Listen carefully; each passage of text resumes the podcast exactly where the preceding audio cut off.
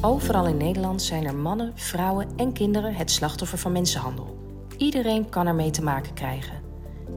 In de podcastserie Samen tegen mensenhandel hoor je het verhaal van twee slachtoffers en spreken we iedere aflevering met een professional over de vormen, de signalen en hun rol in de aanpak van mensenhandel.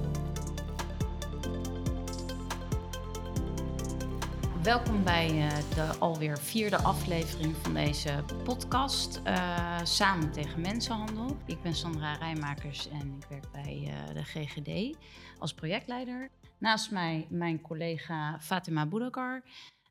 en tegenover mij zit onze speciale gast van het Openbaar Ministerie, Natasja. Zou jij jezelf willen voorstellen? Uiteraard. Ja, ik ben inderdaad Natasja eh, Roos. Ik uh, werk bij het Openbaar Ministerie als officier van justitie mensenhandel, mensensmokkel.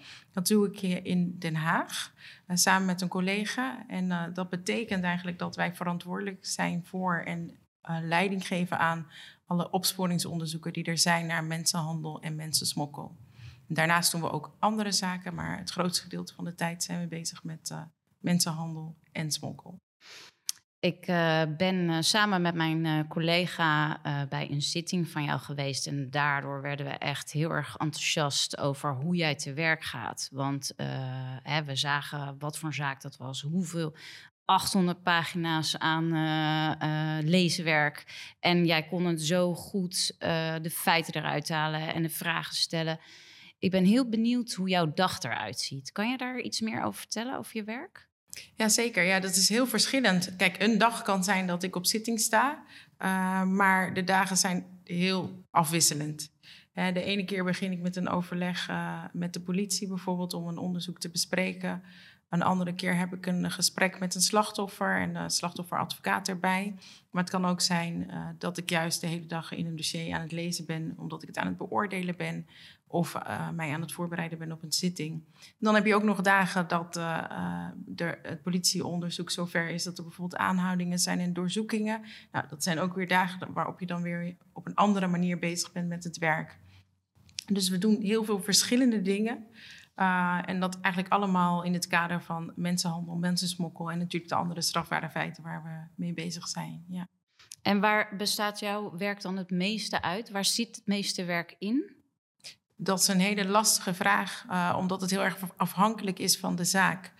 Als het een um, hele complexe zaak is, dan ben ik langer bezig met de voorbereiding van een zitting bijvoorbeeld. Uh, terwijl het ook zo kan zijn dat het bijvoorbeeld een zaak is die onvoldoende bewijsbaar is om naar zitting te gaan. En dat je meer tijd bezig bent met uh, hoe gaan we dit uitleggen aan het slachtoffer? Hè? Hoe neem je die daarin mee als je eenmaal aan het einde van het onderzoek bent? Uh, dus dat is lastig te beoordelen. Qua tijd kan ik wel zeggen dat, dat je heel wat maanden bezig bent met het leiding geven aan het politieonderzoek. En een zitting is vaak één dag. Dus dan zou je denken uh, dat daar uh, heel veel tijd aan besteedt, maar dat heeft een lange tijdsduur. Maar ja, het verschilt per zaak waar ik de meeste tijd mee bezig ben. Ja. En jij zegt, ik ben dus ook al aan het samenwerken met de politie. Dus waar stap jij als uh, officier van justitie in? nou, officieel is het zo dat de, de, officier van justitie, dus ik of mijn collega's, dat wij de verantwoordelijkheid hebben voor dat wij leiding geven aan het politieonderzoek. Uh, en dat betekent ook dat we inderdaad samenwerken, maar dat er ook momenten zijn waarin de politie alleen bepaalde handelingen kan verrichten als ze daarvoor toestemming of een bevel van ons hebben. Een voorbeeld daarvan is bijvoorbeeld, uh, nou, de zaak is zover dat er een verdachte kan worden aangehouden. Dan moet een uh, officier van justitie daarvoor wel een bevel voor aanhouding geven. Behalve als iets op heterdaad plaatsvindt. Hè? Als er nu in de winkel iemand aan het stelen is, dan hoeven ze niet eerst te gaan bellen van mogen we die persoon aanhouden, want dan is hij al lang de straat uit. Uh, maar zeker in dit soort onderzoeken uh, moeten wij de beslissing nemen of hij mag worden aangehouden of niet. En natuurlijk laten we ons daarin informeren door de politie hè, en de hoeveelheid informatie die er is verzameld. Uh, en het is niet alleen een, zo dat het heel hiërarchisch is. Hè? De, heel veel dingen, zeker nadenken over welke strategie gaan we toepassen. Welke opsporingsmiddelen uh, zijn er wel of niet uh, aan de orde. Of, of wat is de kans om ehm, zo snel mogelijk en zo efficiënt mogelijk dat onderzoek te doen. Dat zijn gewoon dingen die we samen bespreken en, en samen kijken en wegen. Uh, waar gaan we heen in, in dit onderzoek? Hoe gaan we het aanpakken? Hoeveel tijd gaan we ervoor uittrekken? En wat is het resultaat dat we willen behalen in, uh, in dit onderzoek? Is dat één uitbuiter of gaat het om een heel netwerk? Of, hè, of, of, is het juist dat we ook bewustwording willen creëren, bijvoorbeeld bij klanten? Gaan we, uh, gaan we daar ook in investeren? Uh, dus dat doe je in gezamenlijkheid, waarin het wel zo is dat wij de verantwoordelijkheid hebben en ook moeten afleggen in de zittingszaal over hoe dat opsporingsonderzoek is verlopen. En als je dan kijkt, want jij bent dan echt op het onderwerp mensenhandel uh, degene die dat oppakt in uh, Den Haag? We zijn met z'n tweeën. Als je dan kijkt naar de grootte van dit onderwerp, om hoeveel zaken moet ik dan denken? Ja, als je kijkt naar de grootte, is het aantal zaken eigenlijk niet um, doorslaggevend. Want je kan één onderzoek hebben met vijf verdachten, waar je anderhalf jaar mee bezig bent. Of je kan een zaak hebben waar je één verdachte hebt, uh, waar je veel korter een aantal maanden mee bezig bent. Dus als we kijken naar hoeveelheid werk, dan kan je dat niet afmeten aan het aantal zaken. En hoe groot is dan het onderwerp mensenhandel in de regio Den Haag? Of? Uh, het werkaanbod, dus de zaken die we zien, het is groot genoeg zodat wij allebei uh, daar genoeg, meer, meer dan genoeg werk hebben. Maar ik denk dat wat heel belangrijk is om je te realiseren, is dat we eigenlijk maar het topje van de ijsberg zien. Dus de zaken die wij zien, dat is niet per definitie representatief voor de hoeveelheid uh, slachtoffers mensenhandel die er, die er zijn. Omdat het. Um, voor slachtoffers in veel gevallen um, lastig is of heel moeilijk is om naar de politie toe te gaan. Uh, dus er zijn ook andere manieren waarop wij bij die slachtoffers komen. Maar anders dan een inbraak waarvan iemand gewoon aangifte doet: er is in mijn woning ingebroken, zijn dit slachtoffers die vaak ja, eigenlijk verborgen blijven. Uh, zelfs als ze al uit de situatie zijn, uh, zullen ze niet altijd naar de politie toe gaan. En hoe vind je dan toch uh, de mensen die juist hulp nodig hebben om uit die situatie te komen? Nou, dat is een, ook een groot deel van, uh, van het werk dat we doen. Nou, ben ik heel nieuwsgierig. Hoe vind je die mensen dan? Ja, ik denk dat uh, Sascha ook al wel iets verteld zal hebben over signalen van mensenhandel en hoe ze daarbij te werk gaan. Um, soms is het zo dat iemand zelf aangifte doet. Nou, die hoeven we niet te vinden. Uh, maar het kan ook bijvoorbeeld zo zijn dat een, een, een, een klant van een uh, prostituee bijvoorbeeld denkt van goh, dit, dit, klopt er niet. Dat die melding doet. Of de buurvrouw of buurman die denkt van dat is gek, ik hoor iemand, uh, ik hoor dat iemand mishandeld wordt. Ik zie heel veel mannen s'nachts die kort in de woning blijven. Ja, zo komen er soms signalen binnen van situaties waarin er sprake zou kunnen zijn van mensenhandel. En zie jij verschil tussen bepaalde gemeentes uh, in uh, mensenhandel? Nee, kijk, mensenhandel kan zich overal voordoen. Yeah. Um, want heel veel gebeurt online. Uh, je hebt niet een gemeente nodig waar raamstraten zijn om te denken dat daar mensenhandel is. Um, van die gedachtegang moeten we echt af. Het is niet iets van een grote stad. Juist ook in plekken waar eh, waar je dat op het eerste gezicht misschien niet zou verwachten, wonen heel veel potentiële slachtoffers. En die worden vaak geworven via internet. Ja, dan maakt het echt niet uit of je in een dorp woont met duizend inwoners of in, uh, in een grote stad. Uh, waar het om gaat is, als er kwetsbare personen in een stad wonen of in een plaats, dan is daar een kans dat daar mensenhandel is. Dan hebben we het over jongeren, personen met een ja, verstandelijke beperking, maar ook gewoon mensen die het financieel moeilijk hebben. En ook gewoon mannen of vrouwen die verliefd worden. Nou, die hebben we ook overal. Mm. Ja, dat, uh, uh, ook daar zitten genoeg kwetsbare personen tussen. Um, dus het maakt niet uit over welke plaats je het hebt. Het is wel zo dat er in sommige gemeenten meer aandacht voor is. Waardoor je soms wat vaker signalen vanuit die, die plaatsen komt. Omdat mensen daar wat bewuster zijn geworden uh, wat signalen zijn. Maar het is absoluut niet zo dat het uitmaakt in welke gemeente iemand woont. Voor de vraag of daar mogelijk slachtoffers zijn. En moeten we bij mensenhandel uh, alleen denken aan seksuele uitbuiting? Want daar hebben we het nu voornamelijk over. Nee hoor, je hebt verschillende vormen. En seksuele uitbuiting is een vorm. daarnaast is er ook criminele uitbuiting. Kort gezegd dat je wordt gedwongen om strafbare feiten te plegen door een ander. Die uiteindelijk daar ja, voordeel van heeft. Ja, en met welke zaken hou jij het meest bezig? Wat zie jij het meeste voorkomen?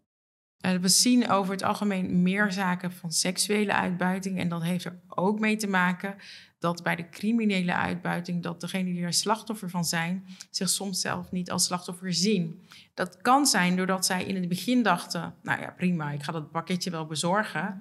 Uh, en er dan een moment komt waarin die, die vrijwilligheid, uh, dat die situatie er niet meer is. Dat het eigenlijk een, situatie van onvrijwilligheid wordt. Waardoor je bijvoorbeeld wordt ja, gechanteerd van ja, maar als je nu niet meer meedoet of als je dit niet doet, nou, dan uh, krijgt de politie te horen. Of dan laten we het je ouders weten. Of dan zetten, posten we iets op internet over jou. En, dat omslagpunt waarin, ja, wanneer het in het begin vrijwilligheid was, waarin iemand dan ineens gevangen zit in die situatie, uh, dat maakt ook een bepaalde kwetsbaarheid. Want die persoon kan dan denken, ja maar luister eens, ik heb hier zelf aan meegewerkt in het begin, dus ik kan helemaal niet naar de politie, want dan moet ik dat vertellen. Dus dat zijn de juiste zaken waar, waar nog minder makkelijk uh, slachtoffers in naar voren komen. Ja. En daardoor zien we ze ook minder. Ja. Terwijl we wel horen vanuit de hulpverlening dat het wel speelt. En dat er zeker ook heel veel jongeren zijn uh, die in situaties zitten waarin het al lang niet meer vrijwillig is. Of bijvoorbeeld op de pof wiet krijgen of gewoon wiet krijgen. Ja, en op een gegeven moment is het niet meer gratis. Kijk, gratis bestaat niet, zeg ik altijd. Er staat altijd iets tegenover. Maar ja, als jij 14 of 15 bent en denkt dat dat je vrienden zijn, uh, ja, dan uh, komt het nogal hard aan als dat toch geen vriendschap meer blijkt te zijn, maar je iets terug moet doen. En zie dan maar aan je ouders uit te leggen dat je eigenlijk wekenlang hebt zitten blowen op school. Of, of pilletjes hebt geslikt. Of ook wel wat pilletjes hebt gegeven aan klasgenoten. Ja, dat is lastig. Ja. Dus daar is ook nog wel heel veel te halen uh, om te verbeteren. Zeg zeker, ja, zeker. Want uh, uiteindelijk uh, kunnen die jongeren, het kan op verschillende manieren gaan. Hè? Of ze groeien door binnen die organisatie. Ja, op een gegeven moment denken ze van, nou ja, ik wil niet meer de, de billetjes strekken. En groeien door en zelf de criminaliteit in. of het zijn gewoon ja, jonge mensen die onwijs veel last hebben later ook van wat hun is overkomen. Met schuldgevoel en onvrijheid of schulden, omdat zij bankpasje hebben afgegeven, geen bankrekening meer kunnen openen bijvoorbeeld. Um, ja, en een, of een strafblad hebben en dan bij de politie zitten. Ze worden aangehouden en denken, ja, of ik kan gaan um, vertellen dat ik gedwongen word. En dan uh, word ik misschien geholpen. Maar als ik dat doe, dan heb ik gesnitcht. En dan heb ik een groot probleem. Uh, of ik ga dan, nou ja, ik, ik, ik ga gewoon krijgen geldboete of, of een, eh, een, werkstraf. En dan heb ik die straf wel gehad, maar dan heb ik in ieder geval niet iemand verlinkt en dan heb ik geen problemen met die personen. Dat is een lastige afweging. Ja. Zeker als die personen gewoon in jouw buurt of in jouw klas of op jouw school zitten. Ja. En hebben jullie voor deze zaken ook um, bepaalde aanpakken of speciale aanpakken? Ze vallen eigenlijk tussen wal en schip, deze jongeren. Ja, dat denken ze uh, natuurlijk, dat ze tussen ja. wal en schip vallen. Ja. Maar dat is vaak ook omdat het zo wordt gezegd... of omdat zij zelf denken van ja, ik heb hier aan meegewerkt. Uh, uh, bij elke zaak waarin iemand aangeeft dat hij gedwongen is... zullen we daar heel goed naar kijken hoe dat zit. Ja. Um, en ja, er is natuurlijk het grijze gebied van... ik wilde er eigenlijk wel aan verdienen... Uh, maar je hebt ook ja, wit en zwart. Dit is volledig vrijwillig en dit is helemaal gedwongen. En daar moeten we gewoon goed naar kijken. En als er echt een serieuze situatie is van gedwongenheid, uh, dan wordt daar natuurlijk rekening mee gehouden. En dan gaan we ook kijken wat we kunnen doen om te voorkomen dat andere slachtoffer van diezelfde personen wordt. Het is natuurlijk uh, vaak niet zo dat er dan maar één kind of één persoon daar slachtoffer van wordt. Ja. Heb je een voorbeeld van wat er dan gedaan kan worden in zo'n situatie? Ja, zeker. Je kan natuurlijk eh, beginnen ook met hulpverlening en ook verwijzing naar de hulpverlening. En daarnaast is het zo dat uh, in de vraag wat wij gaan doen, of we, ze, of we die jongeren gaan vervolgen. En als we wel gaan vervolgen wat voor straf er dan passend is en of er een straf passend is, dat we dat meenemen. Maar ik kan het niet heel zwart-wit tegen je Nee. zeggen, want um, anders gaat dat ook zijn eigen leven leiden. Dat, uh, als ik dit of dit of dit zeg, dan uh, krijg geen straf. Zo, zo Ja, zit het niet. Nee, het, moet, ja, ja. het moet gewoon goed onderzocht worden. En ik ben benieuwd, want je geeft aan, uh, je, je, vertelde net al over de politie dat jullie daarmee samenwerken. Uh, uh, dat je dus inderdaad ook uh, hulp, verwijzing naar hulpverlening. Uh, met welke ketenpartners werken jullie samen? Ja, dat is natuurlijk afhankelijk van hoe je kijkt in de samenwerking. Met de politie werken we sowieso samen. En met bijvoorbeeld Shop, die hier ook zit, hebben we ook wel contact. Uh, zeker ook voor de, bijvoorbeeld een week tegen mensenhandel of een dag tegen mensenhandel. Willen we ook wel contacten onderhouden over... Ja, zodat wij zelf ook beter kunnen begrijpen waar wij... Uh, bijvoorbeeld in het aangifteproces of, of, of gaandeweg in het proces nog verbeteringen kunnen aanbrengen, zodat het voor slachtoffers uh, minder zwaar wordt om hun verhaal te doen, terwijl we tegelijkertijd gezond kritisch moeten blijven, omdat het wel om een strafzaak gaat. En heb je bepaalde dingen waarvan je nu al denkt van uh, in de samenwerking met de partners uh, kan het daar beter of dat loopt juist heel goed? Nee, in deze regio is het wel uh, is de uitdaging ook om binnen alle gemeenten de bewustwording te, te creëren um, dat seksuele uitbuiting overal voorkomt en niet iets is van grote steden. En dat mensenhandel meer en breder is dan arbeidsuitbuiting, wat ook een, hè, een groot probleem is juist in, in deze uh, regio. En ik denk dat we daar nog meer en nog beter in, samen in op kunnen trekken. Heb je daar een beeld bij hoe dat beter zou kunnen? Ja, dat is, dat is lastig, maar dat is, ik denk het begin is elkaar vinden. Uh, en ook dat uh, bij de wederpartij duidelijk is wat kunnen we voor elkaar betekenen. En dat hoeft niet in een specifieke strafzaken, juist niet. Maar hè, hoe kunnen we nu beter hier in de samenwerking? En wat willen we bereiken als doel? Uh, waar willen we naartoe?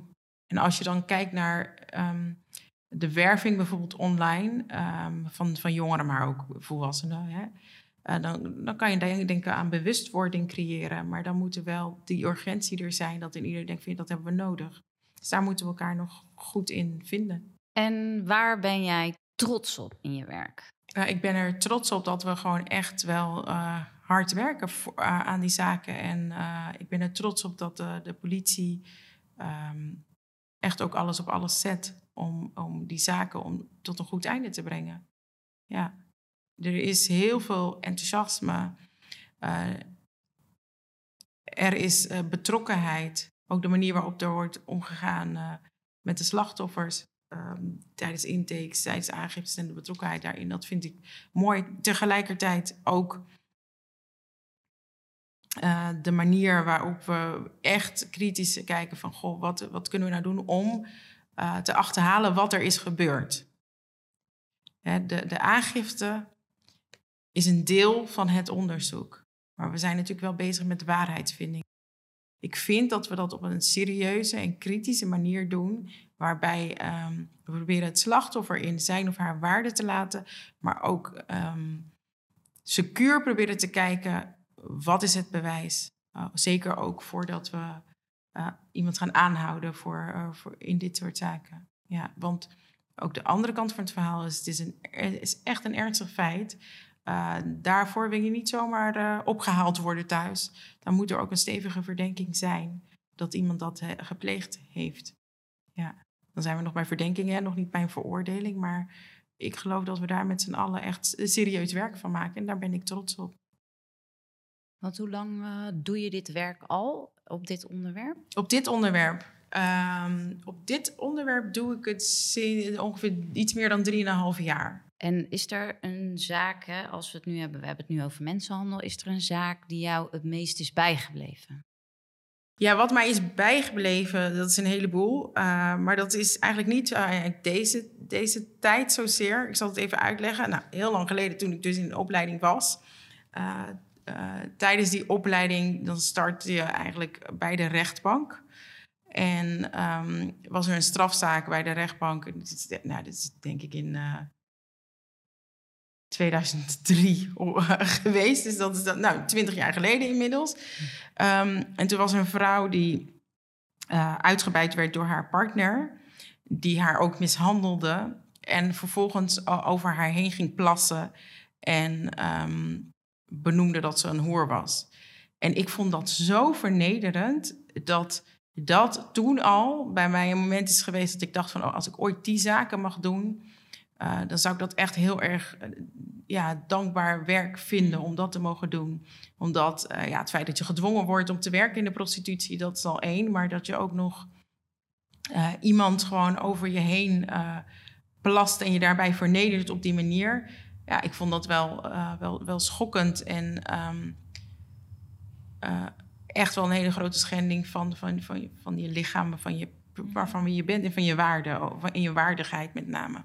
Dus dat is me heel erg bij, uh, bijgebleven. Nou ja, daarna heb ik natuurlijk heel veel zaken gezien en, en gedaan. Ik ben ook uh, ja, een behoorlijke tijd zedenofficier geweest. Dus die lichamelijke schending heb ik heel veel voorbij zien komen. Uh, maar wat mij altijd raakt, is um, hoe er opgegaan kan worden met kwetsbare mensen en hoe mensen zich daarin gevangen kunnen voelen.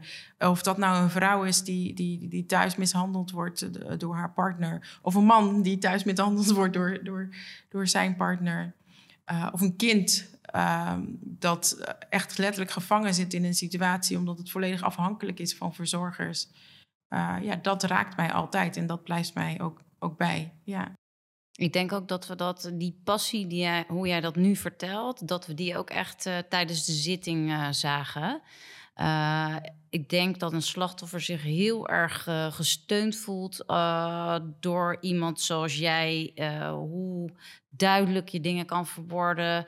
En ook hoe jij respectvol de daders ook toesprak.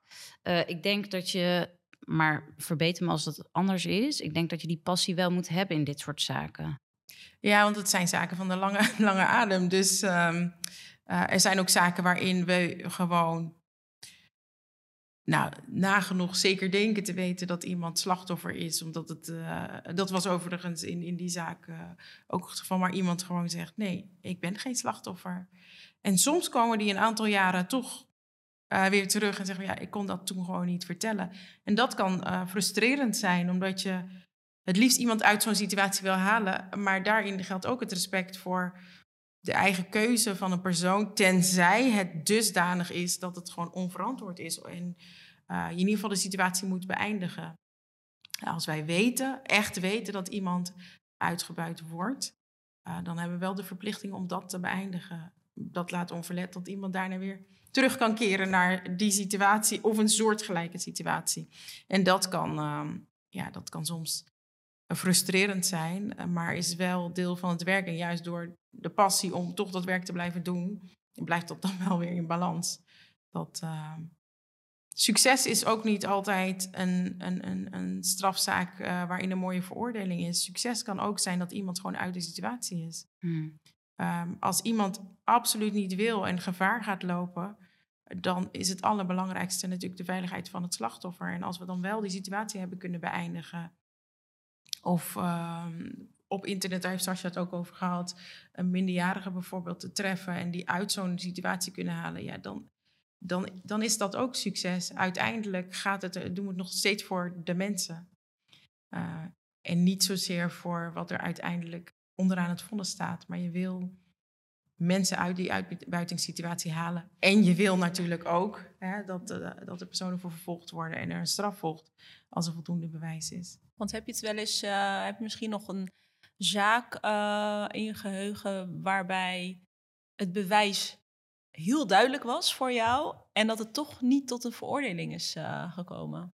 Ja, in de loop der jaren heb ik natuurlijk meerdere zaken Meer, gehad waarin oh, het heel duidelijk ja. was voor mij. maar misschien maar voor de rechtbank het anders zag. Of het Hof het anders zag. Uh, maar het zijn ook gewoon complexe zaken. Waarin heel veel situaties ook een één-op-één situaties zijn. En waarin dus moet worden gewogen. Is er voldoende ondersteuning voor wat uh, het slachtoffer heeft verklaard? Uh, en anders dan een inbraak waar je dus misschien eh, de, de laptop terugvindt ergens in een huis of via Marktplaats. En, en je heel concreet bewijs hebt dat iemand op die locatie was. Ja, ze, ze hebben een relatie gehad. Eh, dat, dat, dat verklaart de verdachte dan vaak ook wel. Alleen de, de verhalen zijn soms gewoon eh, ja, een tikje anders. Alleen in het ene tikje dan hebben we het echt over eh mensenhandel en de andere tikje over vrijwilligheid.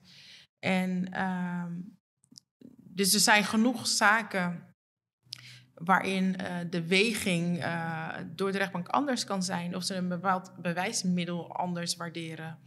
Eh, en er zijn ook zaken waarin het juist heel belangrijk is om de rechtbank ehm, om het voor te leggen. Juist omdat hè, het is altijd belangrijk om het voor te leggen. Maar er zijn ook zaken waarin ik weet van goh, dit is een hele lastige zaak. Maar ik vind dat hier drie rechters naar moeten kijken. Ook voor het slachtoffer. Kijk, een zaak waarin ik denk dat er helemaal geen bewijs in zit, ga- daar ga, Nee, ga ik niet naar zitting. Ja, Maar er zijn zaken waarin ik ook aan een slachtoffer uitleg. eh, ja, eh, qua bewijs kan het op verschillende manieren gewaardeerd worden. Het is zelden dat het echt een complete verrassing is. Als het wel een complete verrassing is, ja, dan lees ik het vonnis. Om te kijken waar, waar, eh, wat die verrassing dan was. En ehm, ja, het hangt er een beetje aan, vanaf waar, waar het aan heeft gelegen. Ja. Weer En als ik, als ik het er echt niet mee eens ben, dan ga ik in appel. ja, Ja, dit, ja dat, dat waren drie rechters. Eh, Er is ook nog een hof. ja. Ehm, ja. En jij probeert natuurlijk eruit te halen, hè, wat heb ik dan misschien gemist of wat had Ja. ik dan anders... eh, Maar het, ik, ik requireer ook wel eens tot vrijspraak hoor. Het is echt niet zo dat, ehm, dat elke zaak die al op zitting gepland staat, dat ik daar tot een veroordeling requireer. Het kan echt zijn ook dat er tijdens de zitting dingen gebeuren of dat er nog een getuige is gehoord. En dat ik eh, ja, zelf of, of zoiets heb van nee, ik vind niet dat er nog voldoende bewijs is. Of ik heb de overtuiging niet. En als ik de overtuiging niet heb, ja, dan, eh, Ga je er ook niet dan krijg ik dat mijn strot ook niet uit. Ja, en Ja, dat, want- het, zo hoort het ook. Want een officier is niet partijdig. Een officier is net als de rechter en de magistraat. En dat betekent dat je moet kijken naar het totale dossier... en aan de hand daarvan moet bepalen of er voldoende bewijs is. Eh, anders dan een advocaat die gewoon moet kijken van... goh, wat is de beste verdediging voor mijn cliënt? Ben ik echt op zoek naar de waarheid? En wat, eh, wat voor een strafmaat moeten we dan aan denken? Oh, wat de, eh, de straffen zijn? Eh, nou, dat hangt ervan af. In ieder geval 12 jaar staat er gewoon op het feit. Maar als je het in vereniging... eh, Of ja, in vereniging is een beetje ingewikkeld natuurlijk. Maar als je het met een ander pleegt... of als het gaat om, om een slachtoffer onder de 18 jaar... maar dan een strafverzwaring of met een misbruik van de kwetsbare positie... dan eh 15 jaar... Eh, als er zwaar lichamelijk letsel als gevolg is, dan eh 18 jaar. En als iemand ten gevolge van eh, de uitbuiting komt te overlijden, dan ehm, ehm, 30 jaar of levenslang. Dus Ja. En dit zijn eh maximumstraffen. ja, maximum. Eh, wat kom je tegen in de praktijk? Wat voor straffen worden er opgelegd? Eh, ja, dat is, Hangt per zaak eh, af, dat hangt snap van de ik. zaak af. Maar in ieder geval, eh wij hebben gewoon richtlijnen bij het Openbaar Ministerie. Dus die kun je ook gewoon op nakijken. Echt wel jarenlang gevangenisstraffen. Dat is in beginsel eh, passend bij, bij dit feit. En naar de schending van gewoon je eigen... Hè, dat je niet meer zelf kunt bepalen... of jij dat werk, en of we het nou hebben over arbeidsuitbuiting... of, of, of seksuele eh, uitbuiting of criminaliteit... of jij dat gaat doen. En bij seksuele uitbuiting vaak ook nog die lichamelijke schending erbij. Hmm. Want als jij gedwongen wordt om eh, seks te hebben met klanten, dat is eigenlijk elke keer een verkrachting. Ja. Als je nagaat hoe vaak zo'n vrouw op een dag eh, verkracht wordt, ja, dan gaan we het niet over werkstraf hebben. Er is ook een taakstrafverbod. Maar eh, dat zijn echt wel ernstige schendingen. Die ook vreselijk lichamelijke klachten van kan, aan kan overhouden. Hè? Dus los van geslachtsziekten, maar ook gewoon door heel vaak achter elkaar seks te hebben op een dag of in de nacht. Ja. En zie je ook eh, qua verschillende vormen mensenhandel, dus seksuele uitbuiting, arbeidsuitbuiting, criminele uitbuiting, dat de strafmaat daarin eh, anders is? Want inderdaad, seksuele uitbuiting, eigenlijk elke keer een verkrachting, dat, dat klinkt voor mij echt heel heftig om te horen. Maar zie je dat ook terug in de strafmaat? Van de rechtbank. Van de of rechtbank? de verschillen. Of de vers- ja, de verschillen tussen de verschillende vormen. Wij doen zelf in Den Haag geen eh, arbeidsuitbuiting. Dat wordt gedaan bij het landelijk parket. Dus dat zie ik onvoldoende om daar Ja. ehm, eh, iets over te zeggen. Eh, dat hangt er ook vanaf, want dat zijn soms ook echt wel mensonterende situaties waarin mensen gedwongen worden te werken, heel weinig verdienen, hele kleine kamertjes, veel personen. Maar daar kan ik het dus niet zo goed van, van vertellen. Ja, de, de straffen die worden opgelegd zijn niet altijd in lijn met hoe wij het als Openbaar Ministerie zien.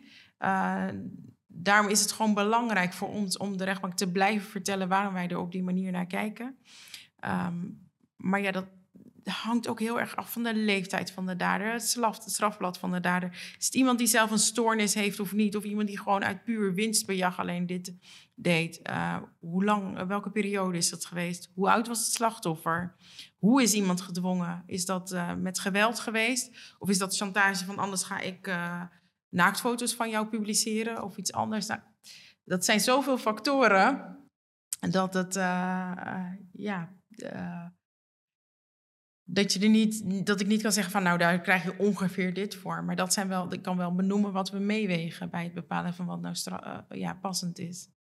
Het lijkt me echt uh, heel complex. Uh, hè, wat ik al zei, uh, 800 pagina's aan uh, werk wat je moet doorlezen als uh, officier en waar je een logisch verhaal van moet maken. Um, hoe ga jij te werk uh, in zo'n zaak? Hij komt binnen, hoe werkt dat? Ja, hangt een beetje af van de fase. Ja, elk antwoord van mij is het hangt er vanaf, maar dat is echt ja. zo. Kijk, we zijn als officier, wat ik zei, um, uh, verantwoordelijk voor het opsporingsonderzoek. Dat wil ook zeggen dat we vanaf het begin erbij betrokken zijn. Hmm. Het begin is, kan ook weer verschillend zijn. Het kan zijn dat iemand het politiebureau binnenloopt. Het kan ook zijn dat ze naar aanleiding van een melding uh, ergens uh, een woning binnengaan en dat daar iemand treffen die wordt uitgebuit.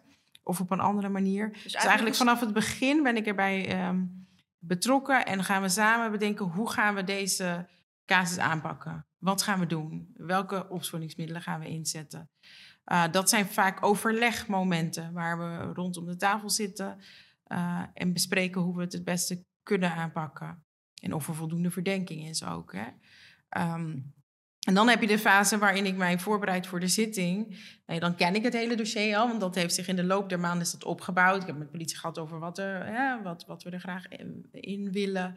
Uh, wat de resultaten zijn geweest van het onderzoek dat ze hebben gedaan. Dus dan is het voor mij heel goed kijken van, goh, um, op welke manier wil ik dit presenteren aan de rechtbank? Wat, wat benoem ik? Wat vind ik nou echt punten die naar voren moeten worden gebracht? De rechtbank leest natuurlijk het hele dossier. Ik ga niet het hele dossier voorlezen, dat wil niemand. Uh, maar wat wil ik nou echt naar voren brengen en, waar, en benadrukken? Uh, wat is nou heel relevant voor de bewijsconstructie? Dus eigenlijk zit er heel veel werk en voorbereiding, maar dat loopt het gedurende het hele proces door. Ja, en we hebben natuurlijk verschillende zaken naast elkaar lopen. Ja. Dus uh, ik heb dan een, bijvoorbeeld zaken um, waar iemand voor vast zit, maar tegelijk ook een zaak die net, uh, die net opgestart ja. wordt. Dus ik ben tegelijkertijd bezig met verschillende zaken. Ja. En we hebben het ook gehad over slachtoffers, hoe kwetsbaar die zijn. Uh, wat doet uh, het Openbaar Ministerie voor slachtoffers? Wat is hun rol ten opzichte van slachtoffers? Ik denk dat een van onze belangrijkste rollen is dat wij uh, moeten, ervoor moeten waken dat een slachtoffer secundair getraumatiseerd wordt. Dat ze dus door het onderzoek en het strafproces eigenlijk nog een trauma op, oplopen. En dat is lastig, omdat er vaak verhoren plaatsvinden van slachtoffers waarin het bij de rechtercommissaris, waarin het verhaal dus nog een keer verteld uh, moet worden en de verdediging uh, allerlei vragen kan stellen. Ik zelf ook overigens. Um, dus dat vind ik een belangrijke rol, dat we daarvoor moeten waken. Uh, door bijvoorbeeld te kijken van ja, op wat voor manier moet het slachtoffer gehoord worden en daarin voor te lichten. Door iemand te informeren, door ook, wat ik zei, als je een zaakje hebt waarin het bewijs gewoon technisch uh, beide kanten op kan gaan, dat je dat ook aan iemand vertelt. Dat het niet een grote verrassing wordt in de zittingszaal en het vonnis van, oh, ik, dacht dat het er helemaal in zat en nu um, ben ik heel erg teleurgesteld. Um, dus ik denk dat, ja, en vaak hebben slachtoffers ook een advocaat waar we mee um, uh, contact mee hebben. En die leggen ze natuurlijk ook wel heel veel uit over hoe het, uh, hoe het werkt, wat ze kunnen verwachten. uh, hoe zo'n zitting eraan toe gaat. Maar als ik een gesprek heb, en zeker als er geen advocaat is, dan leg ik dat ook graag uit. En dan even tekenen hoe ziet de zittingszaal eruit, dat soort dingen. Dus ja, het is wat breder dat je gaandeweg het onderzoek erover nadenkt. Hoe vaak gaan we dit slachtoffer horen? Uh, wat is nog verantwoord? Ook hm. rekening houden dat het later misschien nog een keer gebeurt. En tegelijkertijd dat je als het onderzoek op zitting eenmaal is aangevangen, dat je dan ook probeert iemand zo goed mogelijk te informeren. En maar ook, maar tegelijkertijd ben ik geen advocaat van het slachtoffer. Mm dus ik heb ook een gezonde kritische houding en afstand ten opzichte van het slachtoffer. Want als er iets in die, in die verklaringen staat wat eigenlijk niet klopt, dan benoem ik dat ook. Mm. dus het is het andere, ik ben niet partijdig, dan benoem ik ook. En als ik een, een, die verklaringen niet, niet, niet bijzonder betrouwbaar vind, maar er is wel allerlei andere bewijs, dan benoem ik dat ook. Oh, ik zie dat dit en dit niet consistent is, maar ik zie daarnaast ook dit en dat. En, dus ehm, ja, een gezonde balans tussen uh, gewoon heel goed rekening houden met de belangen van het slachtoffer, maar gezond kritisch. Ja. ja. In de gesprekken met het slachtoffer gedurende het proces, uh, wie voer, voert die gesprekken vanuit het OM? Ben jij dat als officier of hebben jullie daar andere Ja, dat doe ik zelf. Voor? Uh, ik doe het zowel bij voorkeur uh, als duidelijk is of, de, of ze nog een keer gehoord moeten gaan worden door de rechtercommissaris. Omdat uh, je dan gewoon wat vrijer bent om te praten zonder dat.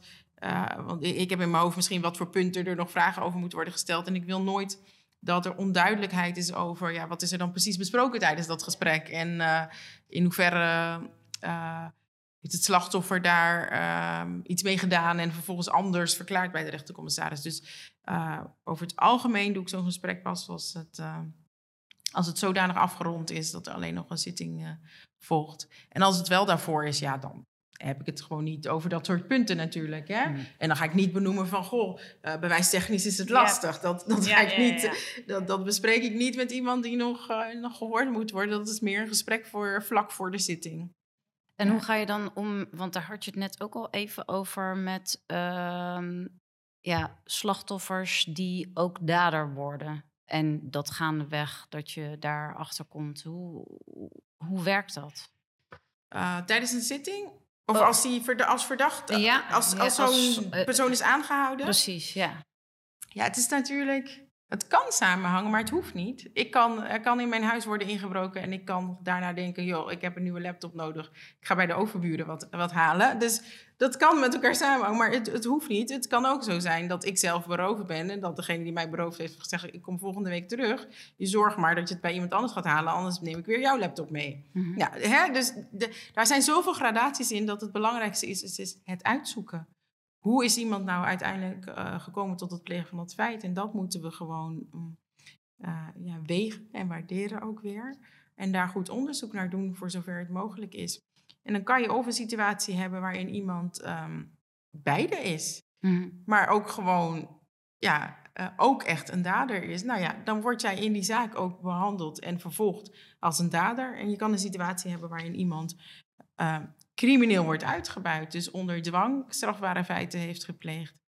Uh, en dan houden we daar ook rekening mee. En dan hebben we dus nog het tussengebied, waarin we dus echt heel nauwkeurig onderzoek moeten doen om uh, na te gaan en te bepalen van, uh, ja, hoe moeten we hier naar kijken? Wat maakt mensenhandel zo complex? Nou, vaak dat het één op één is natuurlijk. Hè? Dat, dat veel dingen plaatsvinden. Laten we het hebben over uh, bedreigingen. Als jij bedreigd wordt en er is niemand bij, dan is dat wel jouw verhaal. Maar hoe kunnen wij dat dan ook ondersteunen? Is er ondersteuning uh, voor te vinden überhaupt? Dat is dus anders dan wat ik zei, die inbraak waarin je die laptop ergens anders terugvindt. Uh, vindt.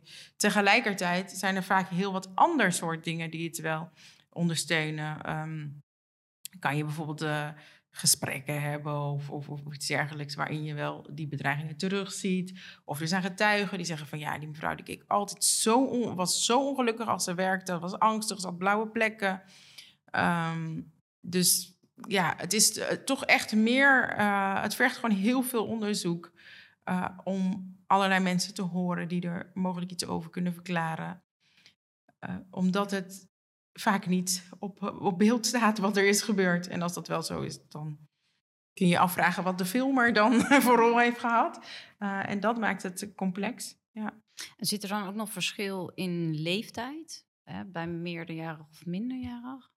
Ja, uh, bij meerderjarigen is het uh, vereist dat er dwang is voor uitbuiting. En bij een minderjarige, iedereen onder de, de, de 18 die, uh, waarbij een andere, laten we zeggen, behulpzaam, nou in ieder geval daar een rol in uh, heeft gehad, ook zonder dat die persoon wordt gedwongen, is gewoon strafbaar.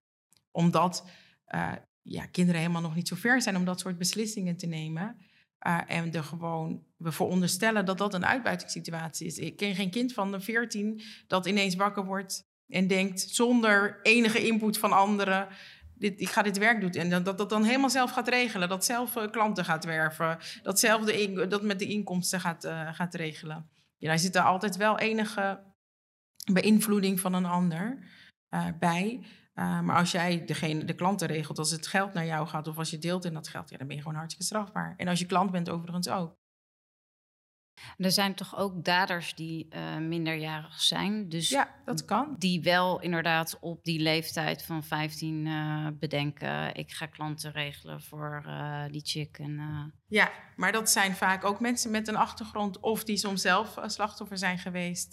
de gemiddelde 15-jarige, die zal toch wel enige ja, instructie nodig hebben om te weten hoe je zo'n account aanmaakt. Mm waar je dat doet, hoe je dat doet. Je moet contact met die klanten hebben. Ja, dan, dan moet je ook niet als een kind van 15 klinken natuurlijk. Dus um, die zijn er zeker. Maar dat zijn vaak ook wel mensen met een bepaald uh, verleden... of die zich ook met andere strafbare feiten bezighouden. Ja, ja want daar ben ik wel benieuwd naar uh, hè, uh, de daders. Wij willen ook heel graag een dader spreken, maar dat is niet gelukt. Uh, jij ziet wel heel veel uh, daders, uiteraard, in je zaken. Um, is daar dan iets wat je opvalt? Of aan wat voor mensen moeten we denken? Is er een gemeenschappelijke deler? Nee. nee, dat durf ik zeker niet te zeggen dat er een gemeenschappelijke deler is. Het zijn in ieder geval allemaal mensen die er geen moeite mee hebben om over de rug van een ander geld te verdienen. Ja, dat, uh, hè, anders doe je dat niet. Mm. Um, en het is wisselend. Er zijn ook jonge meisjes mm -hmm. die uh, andere meisjes uh, uitbuiten. Um, ik denk dat je wel een bepaalde vorm van uh, niet heel erg meevoelend bent, in ieder geval. Maar dat is meer een persoonlijkheidsding. Mm. Dat je je realiseert wat het voor een ander betekent als hij gedwongen werk gaat doen of moet stelen of iets dergelijks. Dus ja. Uh, maar ik vind het heel lastig om nou te spreken over een gemene deler. Het is, het is heel verschillend. Het zijn volwassen mannen, maar ook jonge meisjes. Maar ook jonge jongens. Dus ja. En zie je ook, uh, want hè, je doet dit al een tijdje, zie je daarin ook wat um, verschuivingen, nieuwe trends, zeg maar, qua daders? Worden ze jonger, worden ze ouder, worden het meer meiden? Uh... Nou, wat ik zelf wel een verschuiving vind ten aanzien van uh, jaren geleden, is dat we toen meer het beeld hadden van de, de loverboy, mm -hmm. weet je wel. Die, uh, daar werd heel erg voor gewaarschuwd. kon soms maanden aan groomen duren voordat zo'n meisje aan het werk was. En tegenwoordig zijn er meisjes die binnen vier, vijf uur al aan het werk zijn. Ja. Uh, dat, ze, dat er gewoon op, op, op, op sociale media staat van wie wilde werken. En dat jongeren ook wel iets meer bereid lijken, een ander soort weging hebben bij, dat, bij seksualiteit en, en, en, en betaald krijgen voor seksualiteit, daar wat, wat makkelijker in mee lijken te gaan. Um, maar zich ook nog steeds niet bewust zijn van wat dat dan betekent. Hè?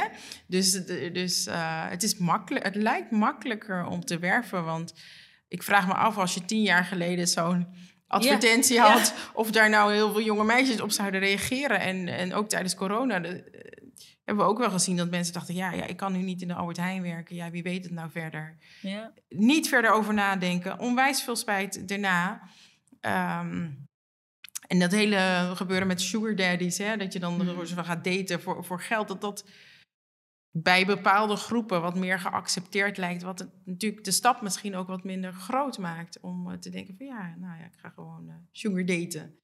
uiteindelijk uh, hoeft het niet bij sugar daten te blijven. En ben je wel in een bepaald milieu waarin genegenheid en, en, en dat soort dingen, waarin dat normaler is om, om dat daarvoor betaald wordt. Ja. Heb jij een idee uh, waarom het nu zo snel lukt? Dat een meid uh, binnen vier, vijf uur al uitvoerende werkzaamheden verricht, zeg maar? Ja, ik denk dat het toch uh, ook te maken heeft met de, de straatmentaliteit. Mm. Geld hebben, dure spullen hebben is zo belangrijk voor de jongeren op dit moment dat ze, niet alle jongeren, maar dat de grenzen ook anders uh, lijken. Ja. En de, de uh, ja, um, bij sommige groepen seksuele grenzen ook wat meer vervaagd zijn. Maar omdat, ook omdat ze dat besef gewoon niet hebben.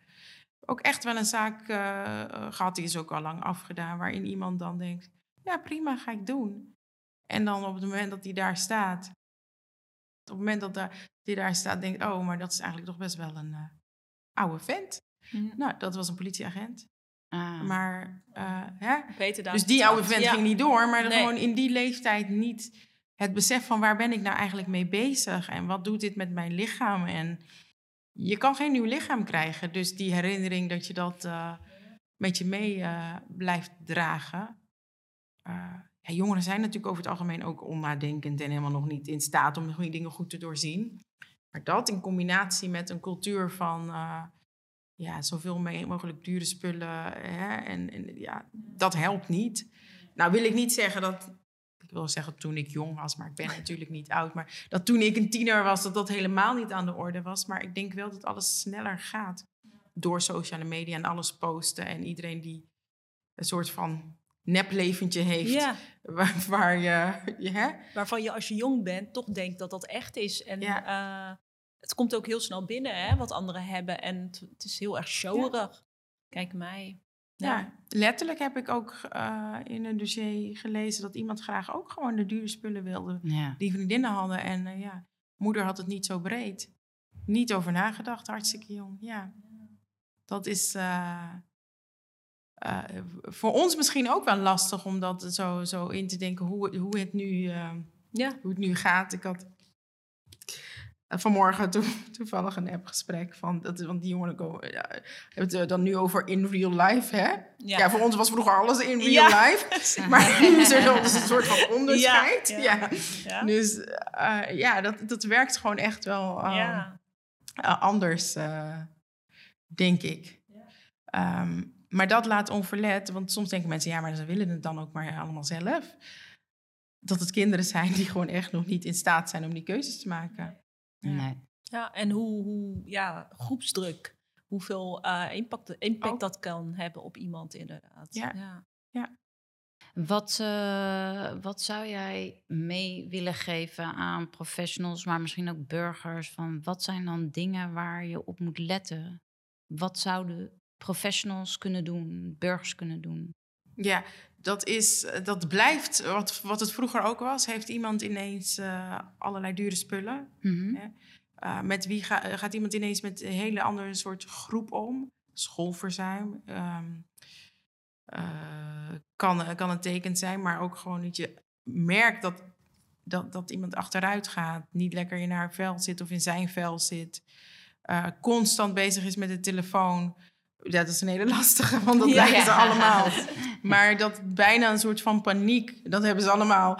Uh, maar als die telefoon niet is, omdat een ander jou misschien onder controle houdt en zegt van ja, je moet nu gaan werken. Je hebt nu een klant, je moet nu gaan werken. Mm. Um, dat zijn wel dingen om op te letten. De, de geslo hè, meer gesloten worden, minder uh, met vrienden of, uh, of met familie open zijn. Dat blijven echt wel signalen. En dat is dan echt uh, signalen van een, die een slachtoffer laat zien? Ja. Uh, heb je ook nog signalen? Beide, voor beide gevallen. Hè? Ook okay. voor criminele uitbuiting. Ook ja. daar uh, kan een andere vriendengroep ineens dure Precies. schoenen. Hoe ja. kan jij die betalen? Of heb je ze gekregen? Hè? en schoolverzuim kunnen ook voor criminele uitbuiting ook bij meisjes tekenen zijn. Ja. ja. Dan uh, wil ik jou heel erg bedanken voor deze aflevering. Uh, heel interessant, dankjewel. De podcastserie Samen tegen Mensenhandel is gemaakt door GGD Haaglanden in opdracht van de gemeente Den Haag. In samenwerking met Shop, Avim, Comentia, Stevig en het Openbaar Ministerie voor de Haagse Week tegen Mensenhandel. Wil je meer weten over mensenhandel? Kijk op mensenhandelhaaglanden.nl.